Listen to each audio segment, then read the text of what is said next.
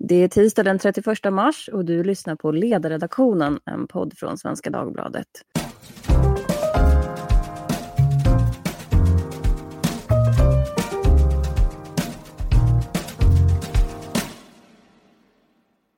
Jag heter Lydia Wåhlsten och idag ska vi prata om vad som händer när vården blir överbelastad och en hårdare prioritering mellan patienter måste göras.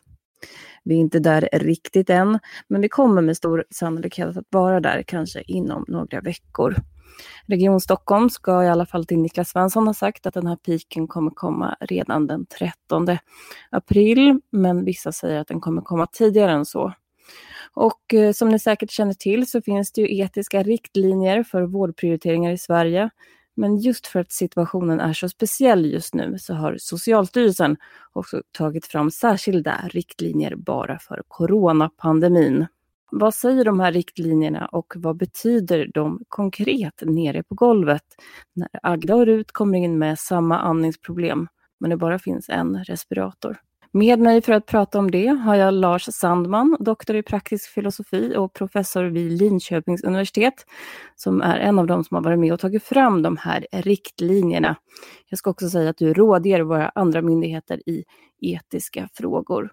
Med mig har jag också Johan Styrud, överläkare vid Danderyds sjukhus, som är vårt moraliska samvete på golvet. Välkommen Johan! Tack så mycket! Vi skulle också haft med oss Barbro Westerholm, riksdagsledamot för Liberalerna, men tyvärr så har tekniska problem satt käppar i hjulet för den planen. Om jag börjar med en enkel ja och nej-fråga. Vi vet ju att dödsrisken ökar kraftigt med åldern med det här viruset.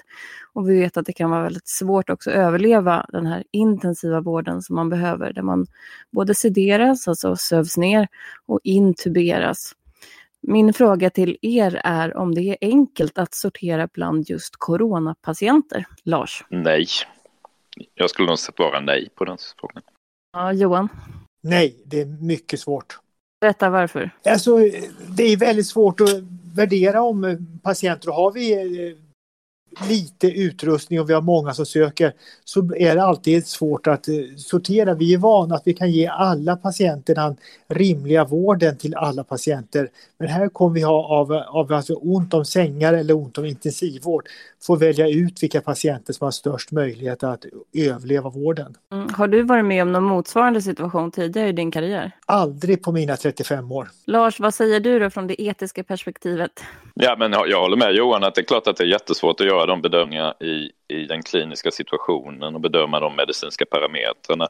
Eh, att, att på något sätt göra den, så att säga, e, skriva fram den etiska vägledningen och, och, och, ge uttryck för att det just kunde handla om hög sannolikhet bedöma biologisk ålder. Det är ju så att säga den lätta delen i, i sammanhanget att liksom på något sätt specificera vilka aspekter man ska ta hänsyn till. Sen att faktiskt göra det i den kliniska situationen, där har vi ju den riktiga svårigheten. Jag tänkte att vi ska gå igenom vad det är ni har kommit fram i, i ert särskilda etiska dokument. Men först måste jag höra med dig Johan, hur är situationen på Danderyd just nu? Ja, den är ju pressad. Vi har ju fått in en stor mängd patienter som dels ligger på våra vårdavdelningar och sen ligger på det kraftigt utbyggda intensivvården här på sjukhuset. Än har vi inte nått upp till taket vad sjukhuset orkar med. Och nu hänger mycket på hur mycket personal som är frisk så att den kan arbeta. Hur många intensivvårdsplatser har ni och hur många är det som är bokade? Normalt sett har sjukhuset sex intensivvårdsplatser och nu har man över 20 och har nog beredskap för att gå upp till 40. Men då kräver det stor mängd personal. Och du berättade när vi pratade tidigare att det är mycket personal redan nu som är sjuk. Vi har enheter som har upp till 25 procent som är sjuka. Det vore perfekt om man skulle ha ett, ett test som man även skulle kunna testa personalen så man fick, fick svar på är man sjuk, är man frisk. Hur långt fram bedömer du att det ligger att ni kommer behöva göra ett hårt triage som det kallas? Eh, jag hoppas att vi aldrig kommer komma till den sitsen. Jag skulle hoppas att vi kan få, få ner kurvan så att vi hela tiden har kapacitet kvar men det kan vara frågan om dagar om det skulle bli, fortsätta inflödet i, i denna fart i linje med den här människovärdesprincipen, då får ju prioritering inte ske utifrån en kronologisk ålder, alltså hur gammal man är på, på pappret. Däremot får man ta hänsyn till den biologiska åldern, alltså hur frisk man är då. Men jag undrar, hur görs den här åtskillnaden rent praktiskt i ett läge där det kanske är väldigt kort om tid? det låter väldigt enkelt. När man står på golvet så är inte detta så enkelt. Jag tror en viktig princip på golvet är att man ska inte stå och göra det här själv. Man ska åtminstone vara en eller, eller man ska vara flera läkare samtidigt och minst en ska vara lite äldre och erfaren. Eh, men det här kommer bli väldigt svåra val. Och hur, hur har ni förberett er för att det kan komma till det här läget? Man har ju diskuterat igenom det här och jag tror att många eh, har förberett sig tankemässigt men det är lätt att tänka och det är en sak att stå där skarp på, på golvet och nu måste jag välja. Lars, det här dokumentet som ni har tagit fram då, det tar ju vanligtvis många månader att sitta och fundera på de här filosofiska och etiska principerna. Nu tog det bara en och en halv vecka. Vad skulle en, en läkare på Danderyd lära sig om man lusläser det? Jag tror egentligen inte att de, om vi pratar om intensivvårdsläkare så tror inte jag att de läser någonting av vårt dokument. Vårt dokument fyller inte riktigt det syftet. Eh, jag tror att, att intensivvårdsläkarna är, är väl rustade för att göra den här typen av bedömningar, eller åtminstone de som är mest rustade eh, i, i vården i nuläget. Däremot så fyller det, tror jag, funktionen att peka på att de här svåra valen som de kommer kanske vara tvungna att göra har en, en väl, alltså finns en väletablerad etisk grund för dem. Eh, så att de kan känna sig trygga i att de gör, liksom, de hittar inte på något nytt, de gör ingenting som strider mot eh, den etiska plattformen för prioriteringar. Eh, så det tror jag är snarare funktionen för det här dokumentet. Och hur har det gått till rent praktiskt, det här arbetet? Vad är det för typer av kompetenser som behövs för att avgöra livets värde? Man kan ju säga så, en del får ju ut intrycket av att, att jag och ett gäng andra bara har suttit och hittat på. Men vi utgår ju från, som sagt från Eh, de av riksdagen beslutade etiska principerna som togs i, 1997. Eh, ehm, och sen så har, vi försökt tolka fram dem, eh, tolka dem i den här situationen. Vi har involverat etisk expertis, vi har involverat intensivvårdsexpertis. Där, vi har så att säga, i, den, i den mån test, testat de här idéerna eller de här skrivningarna på Socialstyrelsens tjänstemän etc. Så att jag, vi har försökt på den här korta tiden ha en så bred liksom, bild eller så, så brett inspel som möjligt. Och då kan du väl berätta lite kort om det finns en, en prioritetsordning, patientprioritet 1, 2 och 3. Och vad är det för olika nivåer? Ja, på, på ettan så har vi de patienterna då som initialt har en hög sannolikhet att överleva intensivvården. Och måste man välja mellan dem så tar vi hänsyn till förväntad återstående livslängd. På prioriteringsnivå 2 så har vi de patienterna som ändå har en möjlighet att överleva Eh, intensivvården men där det finns underliggande sjukdomstillstånd eller kanske redan från början en kort förväntad livslängd som gör att chanserna trots allt är sämre.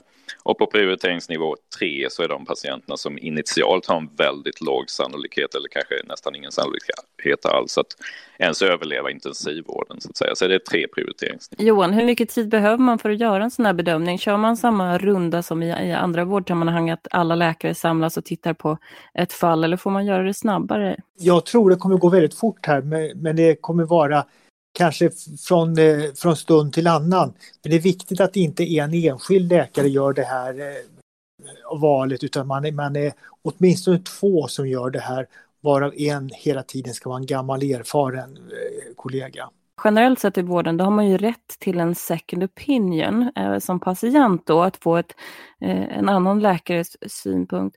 Kan man som anhörig kräva det i ett sånt här intensivvårdsfall? Vi säger att min mormor ligger på, på intensiven och så meddelar de att nej, men nu kommer någon annan här och måste få företräde.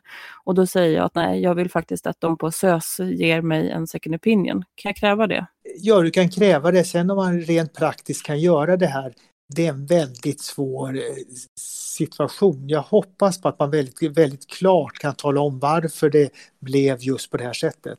Att det dokumenteras ordentligt och där tänker man också att tidsbristen kanske kan bli ett problem. Men det är viktigt att det är flera läkare med som gör det här beslutet så att det är inte en person som gör det här i all hast. Jag tänkte eh, eh, prata lite om vad som står i det här dokumentet då, apropå prioriteringar. Det står ju då att en person med låg kronologisk ålder men en hög Bräckligheten kan prioriteras lägre än någon som har en hög kronologisk ålder men en större förmåga att klara sig och leva vidare efter intensivvården. Och då ser jag framför mig å ena sidan en väldigt fet 20-åring som också har kraftig astma med en eh, lykra cyklande pappa i 40-50 års åldern. Hur, hur ser man på det där rent etiskt, Lars, skillnaden mellan de här patienterna? En kan ju leva betydligt längre om den klarar sig.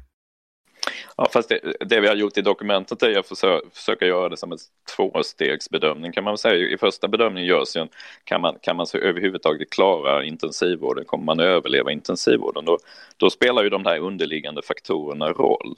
Eh, då har man ju förmodligen kanske sämre möjlighet om, om man har en underliggande diabetes eller astma eller vad det nu kan vara. Alltså de exakta medicinska kriterierna överlåter jag till intensivvårdsprofessionen att, att bedöma. Eh, men har man då liksom kommit fram till att man ändå har liknande sannolikhet, då, då kommer man kunna ta hänsyn till förväntad återstående livslängd. Ett problem här är ju att viruset är ganska nytt och, och, alla typer av rön är också nya. Det kommer nya rapporter hela dagen. Vore det inte enklare att ha liksom rena etiska principer i ett sånt här läge än att överlåta det då till professionen? Det kan ju skilja sig väldigt mycket åt mellan hur läkare har tolkat coronaviruset. Fast vad som sker nu är ju att, att man i flera regioner och inom intensivvården skriver fram så att säga, lokala riktlinjer. Det sker, har ju skett ett parallellt arbete med de här, den här mer etiska ramverket att inom den eh, intensivvårds, eh, alltså nationella intensivvårdsprofessionen har man liksom försökt ta fram mer gemensamma medicinska riktlinjer. Så jag tror det är liksom en tvåstegsraket vi pratar om här. En annan sån här sak, det, det jag funderade på, det är om man har till exempel någon ovanlig cancer eller sådär. För det, om man har förväntad överlevnad 60-tal månader, då är man i, i prioritetskategori 2 då och det är för att man inte har så långt kvar att leva. Men betyder det här att man ska vara extra orolig för de som har till exempel ovanliga cancersorter och sådär? Ja, alltså Johan får rätta mig om jag har fel, men, men det är ju så att den som har en kort förväntad överlevnad från början, den är ju naturligtvis i ett sämre biologiskt skick och har då sämre möjlighet att helt enkelt klara intensivvården. Eh, så att det är ju kopplat till så här, överlevnadsmöjligheten kan man väl säga. Johan, på det där temat, om man är anhörig till en person som ligger på intensivvården, vad har ni för riktlinjer där för att kunna säga eventuellt farväl? Ja, så man måste ju alltid eh, se till att folk kan göra det här med värdighet. Eh, sen beror det på hur stressad situationen är runt omkring men självklart så måste man ta sådana här hänsyn också. Om man lyfter blicken lite grann då, Lars, vad har varit svårast i de här etiska riktlinjerna? Vad var det som ni, ni verkligen satt och skrynklade era hjärnor för? Alltså jag tror att den, alltså jag upplever att den svåraste frågan är att vi vet att det här kommer vara en riktlinje som kommer tillämpas tydligt på individnivå. Vi är, van, vi är vana när vi pratar om riktlinjer att vi tillämpar, tillämpar dem på gruppnivå, alltså vi pratar om patientgrupp, men här kommer det användas i valet mellan mellan enskilda patienter och, och, då blir det liksom en viktigt hur det skrivs fram. Och den, den sak som jag tror vi har brottats kanske mest med, som ändå är, möjligtvis kan vara mest kontroversiell, det är väl den här att kunna väga in förväntad återstående livslängd helt enkelt. För att det är, det är ovanligt att man gör det eller? Ja, alltså, ja, alltså egentligen gör vi inte det, eller det är inte ovanligt att vi gör det. Alltså när vi tittar på patientnyttan av en behandling så tittar vi, har vi, ger den lång överlevnad så tycker vi att patientnyttan är bättre än om det ger den kort överlevnad. Det som är ovanligt är att vi tittar på den på individnivå, alltså när vi tittar, väljer mellan individer. Det är väl det som är, är, kanske upplevs som ja, en utmaning. En annan sak det handlar ju om att man kan ompröva de här insatserna under tiden. Om vi säger att någon har kommit in på IVA då för intensivvård och sen så kommer in en annan person som har lite bättre förutsättningar samtidigt som patient 1, även om den bedömdes i första ledet att vara aktuell för intensivvård, så har skicket försämrats. Och då kan den här personen då bortprioriteras för en ny person i ett läge där det uppstår kö. Johan, hur skulle du resonera i ett sådant läge? Sånt här läge har man ju aldrig hoppats att man skulle komma i för vi har ju alltid kapacitet att sträcka oss hemskt långt. Men kommer det här läget så måste man tyvärr ta väldigt hårda beslut och då kommer den här första patienten att väljas bort, tyvärr. För där står det ju också i det där dokumentet att det här kan bli ett problem just i, i relationen. Dialogen med anhöriga försvåras, står det. Ja, behöver man ha dialog med anhöriga eller vad, vad säger moralen här? Alltså det, man kan väl säga så att alltså riktlinjen, både, både om vi tittar på patientlagen och tittar på Socialstyrelsens riktlinjer kring just avbryta livsuppehållande behandling, så är ju liksom grundtanken att det ska vara ett samråd med både patient och närstående. I den här situationen kan det naturligtvis bli svårt. Eh, och inte minst därför att om vi pratar om, om corona eller covid-19 smittade patienter så kan det vara helt enkelt svårt att släppa in närstående i, i, i, och, och åtminstone tillsammans med patient ha ett samråd och så vidare. Så att det, jag tror att det kommer bli en utmaning att kunna ha den typen av samråd i den här situationen, även om det hade varit idealt. Så vi måste ändå komma ihåg att vi har ju en behovsbaserad hälso och sjukvård i Sverige, det vill säga att, att eh, det är till sista, eh, i sista änden en professionell bedömning huruvida vård ska ges eller inte. Så att samrådet innebär ju inte att man som närstående eller patient har någon slags eh, vetorätt eller möjlighet att, att kanske påverka ett välgrundat beslut. Mm. Men den här rätten till second opinion som jag pratade om, det är väl en rent, nej det är inte en rättighetsbaserad lagstiftning kanske? Just i, i detta läge så är det kanske inte alltid tillämpligt för att det, det måste fungera. Man kan få prata men att flytta en sån här svårt sjuk patient kan vara orimligt i, i många lägen. Eh, men Johan, skulle du tycka att det var rimligt att anhöriga fick komma in? Vi vet att det är brist på skyddsutrustning och nu, jag fick kontakt med en kvinna idag vars pappa hade legat på intensiven och då hade hon fått erbjudandet om det blir värre, om det blir kritiskt läge, då får ni skyddsutrustning och kan gå in och säga då eventuellt hej då. Skulle du erbjuda det också även om du har brist på material? Om det är rimligt, ja, men alltså det, det måste vara rimligt och det måste, allting måste ske på ett etiskt rimligt sätt. En annan sån här fråga är de personer som då skulle prioriteras bort. De, de dör ju inte direkt så att säga, utan de måste ju leva vidare. Då står det i det här dokumentet att ja, men palliativ vård.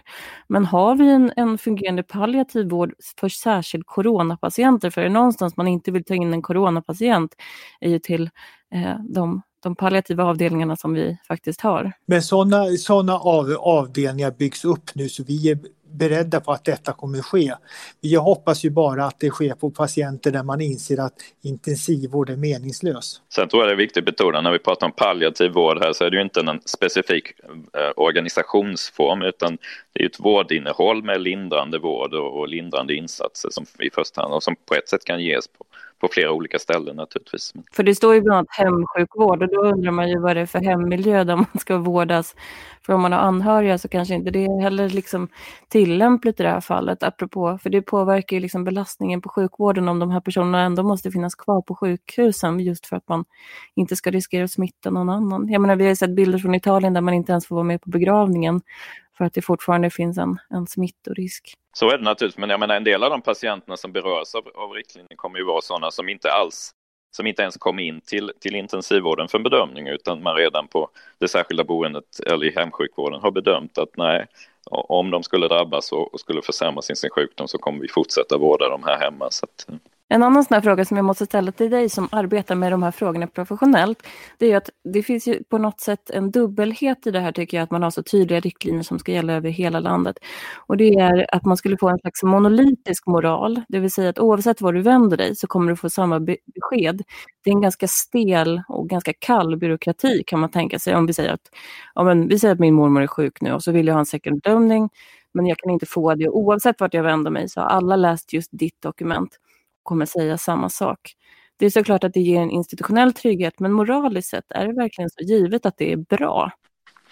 Alltså dels beror det naturligtvis på vilka principer vi har tagit fram och hur vi har formulerat dem. Och, och, och, eh, de ska ju vara ett stöd och det är klart att de kräver alltid någon typ av tolkning eller tillämpning och den kan delvis skilja sig åt. Men jag tror att om vi tittar på alternativet så riskerar ju det att bli mer godtyckligt. Vi vet att det finns en, en mängd psykologiska mönster som vi, som vi är styrda av och som riskerar att påverka vår bedömning och sådana saker som hur, hur bra du är på kanske att strida för din, din mormor eller för, för dina anhöriga kommer att spela roll. Alltså olika saker som vi tycker kanske inte bör spela roll eh, riskerar att, att vägas in och därför finns det en poäng att ha gemensamma principer. Men det är klart, de måste alltid tolkas. Nu måste jag bryta här, jag har tyvärr tv här. Ja, okej. Okay. Ja, vad synd, jag hade en massa frågor kvar här till dig. Jag är ledsen. Ja, vi får återkomma. Ja, men då får du springa. Ja, ja tack, hej, hej, hej, hej. Eh, ja, en sak som ni skriver om i det här dokumentet är etisk stress bland anställda. Vad är det där för någonting? Ja, etisk stress kan man säga att det handlar om en, en att, det, att det blir ett gap mellan det jag skulle vilja göra eller idealt vilja göra för patient eller närstående och det jag kan göra i situationer av olika omständigheter. Och då blir det gapet för stort och jag upplever att jag kan liksom inte tillgodo, till, tillhandahålla god vård eller jag måste göra beslut där jag känner att jag väljer bort saker och ting som jag annars skulle ha eh, fått göra för patienten så upplever, kan, kan, kan man få en stressreaktion på det. Vad får det där för konsekvenser då? Ja, alltså i värsta fall så kan det naturligtvis leda till eh, psykisk ohälsa och sjukskrivning. Och, jag menar, det, det kan ju få långtgående konsekvenser naturligtvis. Uh, men också att man stänger av, man har också sett i studier att man kanske stänger av i situationer så att det påverkar den empatiska förmågan till exempel. Uh, vilket naturligtvis är jätteviktigt att man behåller även i en sån här svår situation. Och det är därför vi skriver fram liksom några, dels så tror vi att en sån här riktlinje delvis kan, kan lindra den etiska stressen om man, om man upplever att okej, okay, de här tuffa besluten som jag antingen måste fatta eller åtminstone implementera Eh, att de har en, en, liksom en grund i, i väletablerade etiska principer.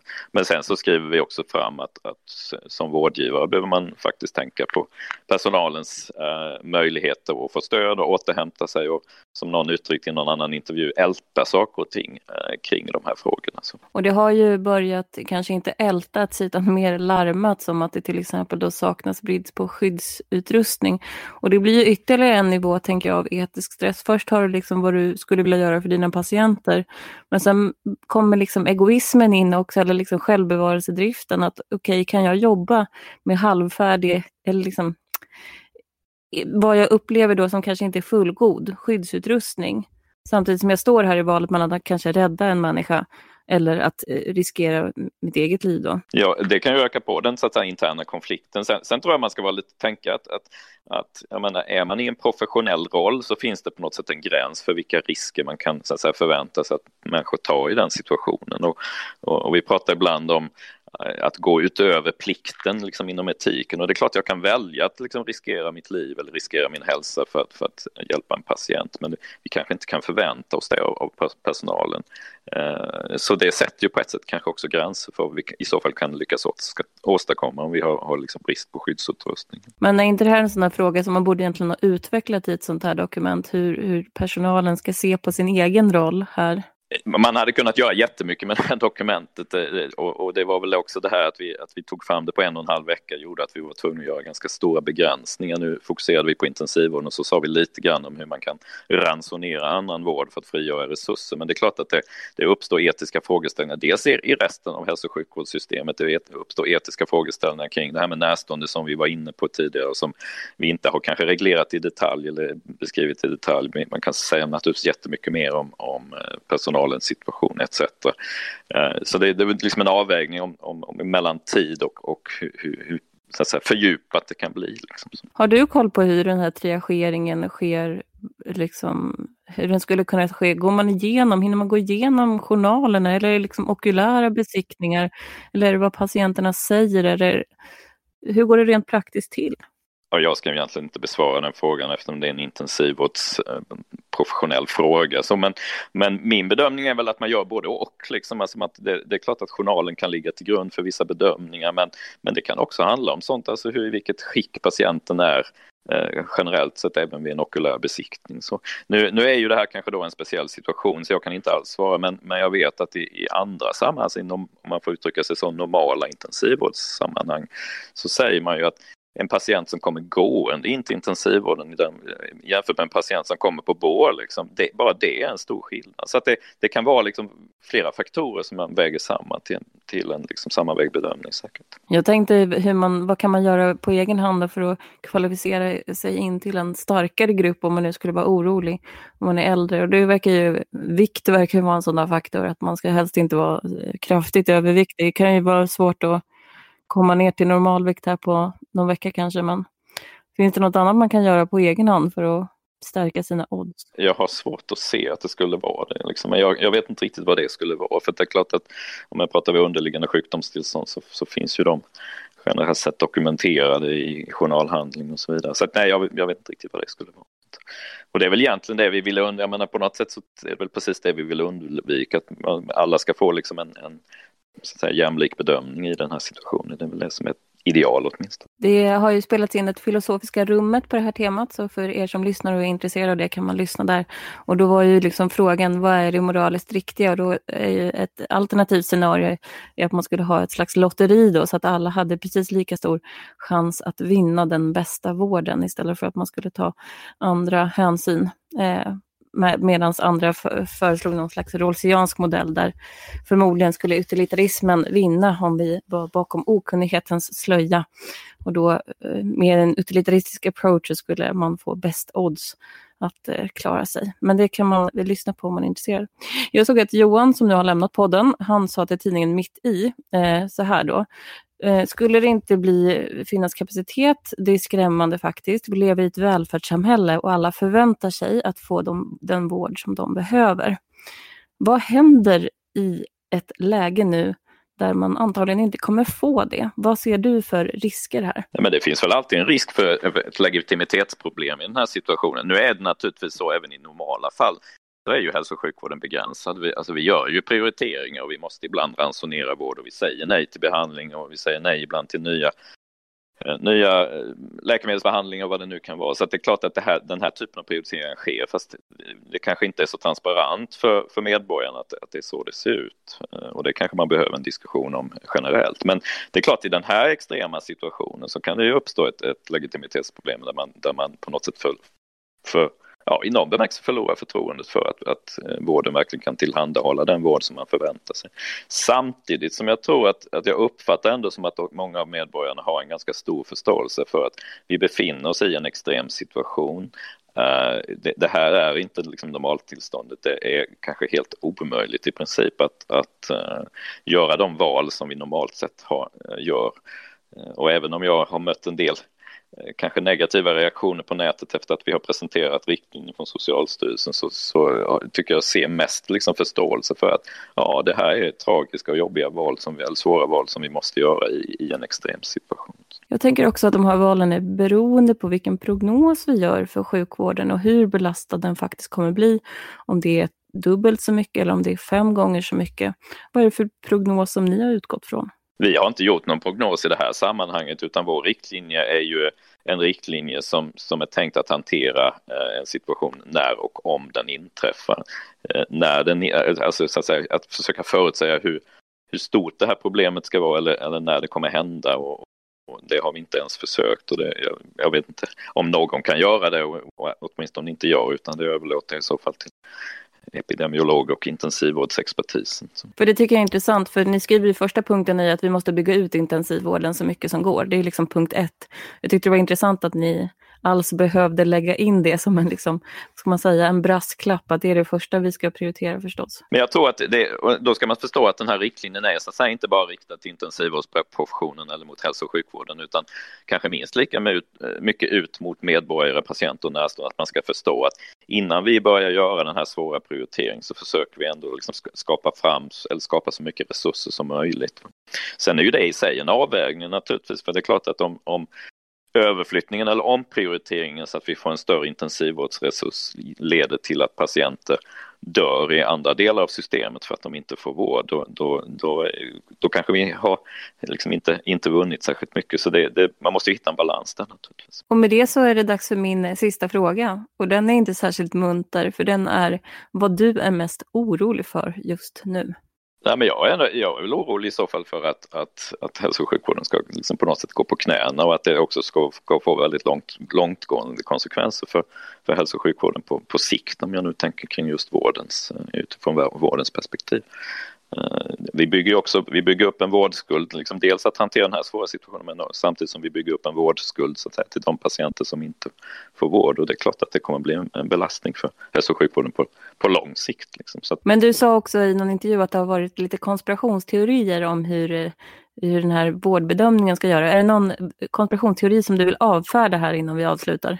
Ja, men det är väl de här att, att på något sätt så kommer vi göra bedömningar utifrån saker och ting som inte är relevant. Att vi skulle ta hänsyn till social ställning eller samhällsnyttig funktion eller att vi skulle ta hänsyn till bara flat out eh, kronologisk ålder utan att göra någon individuell bedömning eller att, att den som är bättre på att ta sig fram i systemet skulle så att säga, ha större möjlighet att, att klara sig.